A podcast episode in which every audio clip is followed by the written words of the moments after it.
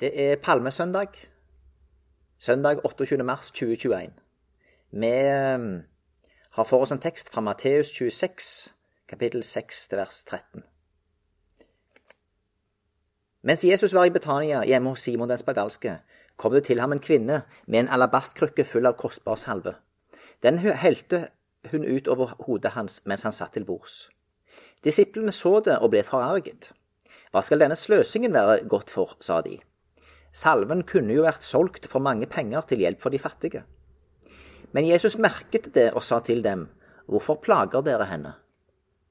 Har hun, gjort, hun har gjort en god gjerning mot meg. De fattige har dere alltid hos dere, men meg har dere ikke alltid. Da hun helte denne salven ut over mitt legeme, salvet hun meg til min gravferd. Sannelig, jeg sier dere, overalt i verden hvor evangeliet blir forkynt, skal også det hun gjorde, fortelles til minne om henne. Amen. Vi ber. Herre, takk for ditt ord. Jeg ber om at du uh, lar meg få legge ut ordet på en uh, rett og sann måte. Og jeg ber Herre om at uh, det blir tatt imot, og du ved Din Hellige Ånd kan gi liv til det. Vi legger alltid i hånd. Amen. Vi går mot slutten av fastetida. Palmesøndag er den siste søndagen i fastetida, før vi neste søndag har påskedag. Og det er den siste søndagen der vi blir minnet om det som nå står foran oss. Påske, etter det hebraiske Pesak, som betyr gå forbi. Jesus skal opp og feire påske i Jerusalem sammen med sine disipler. Han har nå vandra rundt på, eh, sammen med de i tre år. Han har vært på jorda blant menneskene i 30 år. Og det er fire bøker i Bibelen som handler om Jesus sitt liv. Disse fire bøkene har alle gitt god plass til å beskrive de siste 45 dagene av Jesus sitt liv på jorda, fra inntoget i Jerusalem til den dagen Jesus ble rykt opp til himmelen. Lukas har fått med seg mange historier og detaljer fra Jesus sitt liv. Etter å ha snakket med enormt mange uh, mennesker, mange kilder, inkludert Jesus' sin mor, Maria. Han har relativt sett brukt minst plass i sin bok på denne tida vi nå går inn i, men like fullt så handler bortimot en fjerdedel av Lukasevangeliet om tida fra inntoget i Jerusalem til Kristi himmelfartsdag. I Matteus og Markus sine bøker er en tredjedel av handlingen fra denne tidsperioden. Og nær halvparten av boka til disippelen Johannes handler om tida fra inntoget i Jerusalem og til tida etter Jesus sin oppstandelse. Av dette så forstår vi følgende det som nå skjer, er særdeles viktig. Vi kommer tett på hendelsene dag for dag, og dramaet utfolder seg. Den historien vi nå har lest, står omtalt både hos Matteus og Markus, og er lagt til to dager før påske.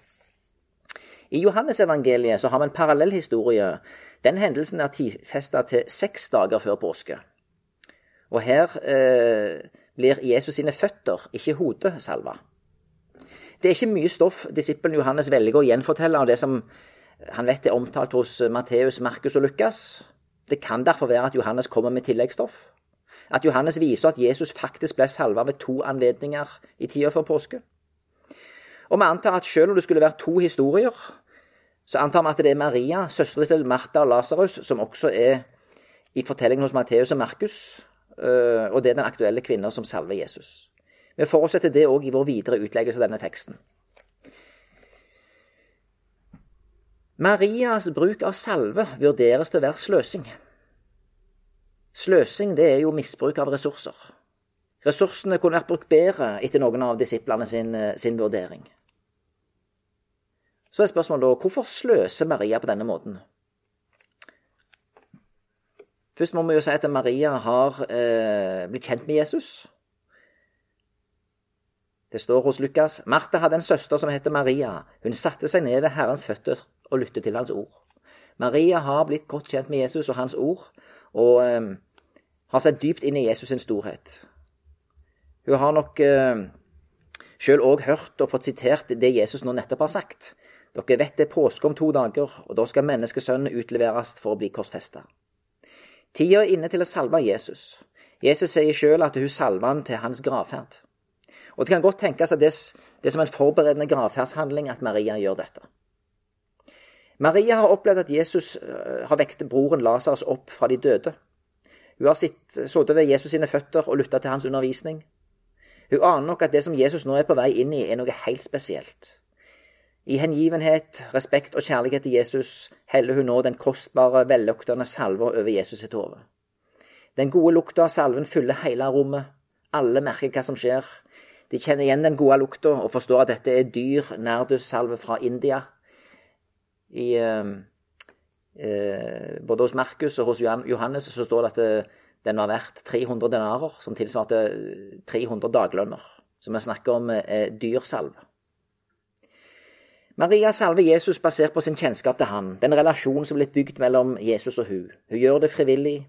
Ingen har forlangt dette, aller minst Jesus sjøl. Hun er takknemlig. Alt hun har eh, fått, alt hun har lært, inkludert broren Lasarus som har kommet tilbake til livet. Jesus er en eksepsjonell person, og Maria er takknemlig for å ha blitt kjent med ham. Og eh, Maria er barmhjertig. Hun forstår at Jesus har ei tøff tid foran seg, med store prøvelser. Gud bruker her Maria som en trøster og oppmuntrer for Jesus i denne krevende tida i forkant av det store oppdraget som skal fullføres. Kanskje henger lukta fra salven med Jesus i hans bønnekamp i Getsemane og minner han på oppdraget at han er Messias, den salvede. Messias betyr den salvede, og Maria visste at Jesus var Messias, så hun er den som på symbolsk vis salver Jesus til den kongetjenesten han nå går inn i. Om hun er seg bevisst dette perspektivet, er ikke helt klart.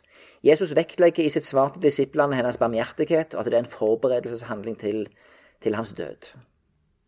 Men i ettertid så er det åpenbart at eh, Maria sin handling ble stående som en profetisk symbolhandling, en salving av en konge. Jesus anerkjenner Maria sin bruk av ressurser. Jesus ser det profetiske i det hun gjør. Han ser hjertelaget, barmhjertigheten, hengivenheten som det er gjort med. Og Dette leder oss over på hvordan vi eh, kan vurdere andres ressursbruk. Mange mennesker har opp gjennom tidene brukt eh, ressursene på en måte som vekk både forargelse og forundring. Han som starta fransiskanerorden innen den katolske kirke, var en rikmannssønn. Faren til Frans av Assisi forsto ikke mye av sønnens prioriteringer og valg her i livet. Mange som blitt invitert av Gud til å bli med i et arbeid for han, opplever at omgivelsene kan ha liten forståelse og respekt for valg og prioriteringer. For oss i Salem, som er en del av en rik misjonshistorie, kan misjonærenes prioriteringer nevnes. De har ofte brukt mange år av sitt liv på en paradoksal og for mange mennesker litt uforståelig aktivitet som de fleste mennesker som ville vurdere til å være feil ressursbruk. En kunne brukt tida til å bygge sine egne karrierer, eh, samle seg eh, mer penger, gjort det bra. I stedet har han valgt å eh, reise langt bort, kanskje, for å formidle de gode nyhetene om Jesus. Av og til inviteres både den ene og den andre av oss inn i noe som krever mye tid, mye mer enn omgivelsene forstår og anerkjenner. Å reise seg opp, ta ansvar, vise barmhjertighet, gå i ekstra mil med noen, vil kunne lede oss på veier med tidsbruk og annen ressursbruk som andre synes er merkelig. Og som vi ser av teksten, de som synes ressursbruken til Maria var merkelig, var jo Jesus sine disipler. Det er ikke slik at alle Jesus sine etterfølgere til enhver tid forstår seg på det andre kristne har blitt kalt til å bruke tid og ressurser på. Det må vi ta med oss. Maria står som et forbilde, bekreftet av Jesus sjøl, som et menneske som satte Jesus først. Relasjonen til han og det Jesus hadde betydd for henne, overskygger det at noen vil reagere på hennes handlinger og ressursbruk. La oss tørre å ha Maria som forbilde, ei kvinne som var mer opptatt av å ære Jesus med sitt liv enn å bli forstått av sine omgivelser. Jesus så henne og aksepterte hennes prioriteringer og valg. Dersom du erfarer at du inviteres inn i noe som oppleves merkelig for omgivelsene, så gi det gjerne en mulighet. Gud ved sin hellige ånd leder oss gjerne på veier og stier som er skjult for de fleste, men som er til velsignelse. Slik var det for Maria, og slik kan det være for deg òg. Den treenige Gud som har vist oss, eh, for, seg for oss som Fader, Sønn og Hellig Ånd, er relasjonell i sitt vesen. Eh, vi kan på samme måte som Maria komme inn i erfaringsdimensjonen og relasjon til Jesus. Og det er dette det er dette Gud vil. For før verden ble skapt, fantes fellesskap allerede mellom Fader, Sønn og Hellig Ånd. Det fantes fellesskap, kommunikasjon og relasjon. Når Gud sender sin sønn til oss i menneskeskikkelse og deler våre kår, så betyr det òg at han ønsker en relasjon videre til oss mennesker. Vi leser Jeremia 29. Når dere kaller på meg og kommer til meg med deres bønner, vil jeg høre på dere. Når dere søker meg, skal dere finne meg.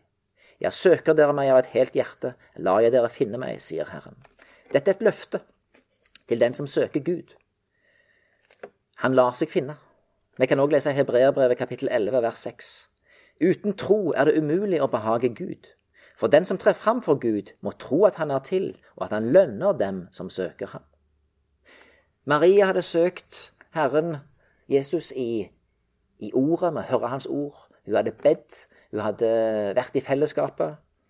Eh, på samme måte så kalles vi inn til eh, fortrolig fellesskap, der eh, det både er mulig å ha samtale og fellesskap gjennom bønn, gjennom fellesskap med andre kristne, gjennom å lese i Ordet, og gjennom det som skjer oss, som Gud handler med oss i det daglige. Noen dager før denne hendelsen med salvinga, så har Jesus ridd inn i Jerusalem på en eselfole. Dagen etterpå, i i Markus' tekst så renser Jesus tempelplassen for forstyrrende element. Pengevekslere, duehandlere og andre som, som, var der for å drive handelen. Så sier Jesus, det står skrevet, mitt hus skal være et bønnens hus, men dere gjør det til en røverhule. I Jesaja 56 vers 7b eh, står der for mitt hus skal kalles et bønnens hus for alle folk. Uh, og nå er det sånn at uh, Jesus er det nye tempelet, og han er den nye øverste presten. Han er stedet vi kommer til med våre bønner. Han er òg den som går i forbønn for oss. Vi leser fra Efeserbrevet kapittel 2. Dere er bygd opp på apostlenes og, grunn, og profetenes grunnvoll, men hjørnesteinen er Kristus Jesus selv.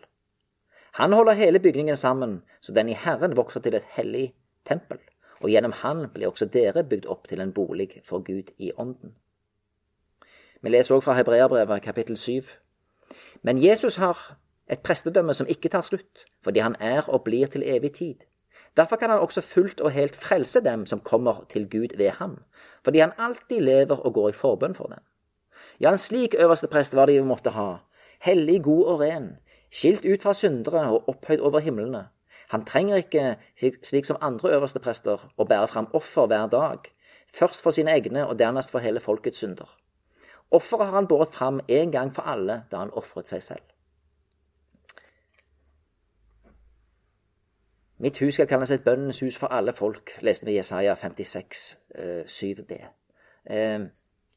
Jeg tror en viktig nøkkel for å komme inn i det relasjonelle som Maria har kommet inn i for oss, det er å eh, erfare bønnens eh, makt, bønnens eh, velsignelse.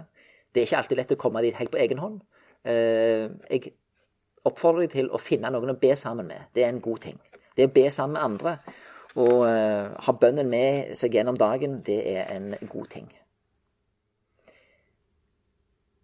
Videre så leser vi Hebreerne 7,19. Loven førte jo ikke til noen fullendelse, men nå ble den avløst av noe bedre, et håp som gjør at vi kan nærme oss Gud. Påskens hendelser gir oss et håp som gjør at vi kan nærme oss Gud. Maria sløste med salve over Jesus sitt hode og, og, og, kropp.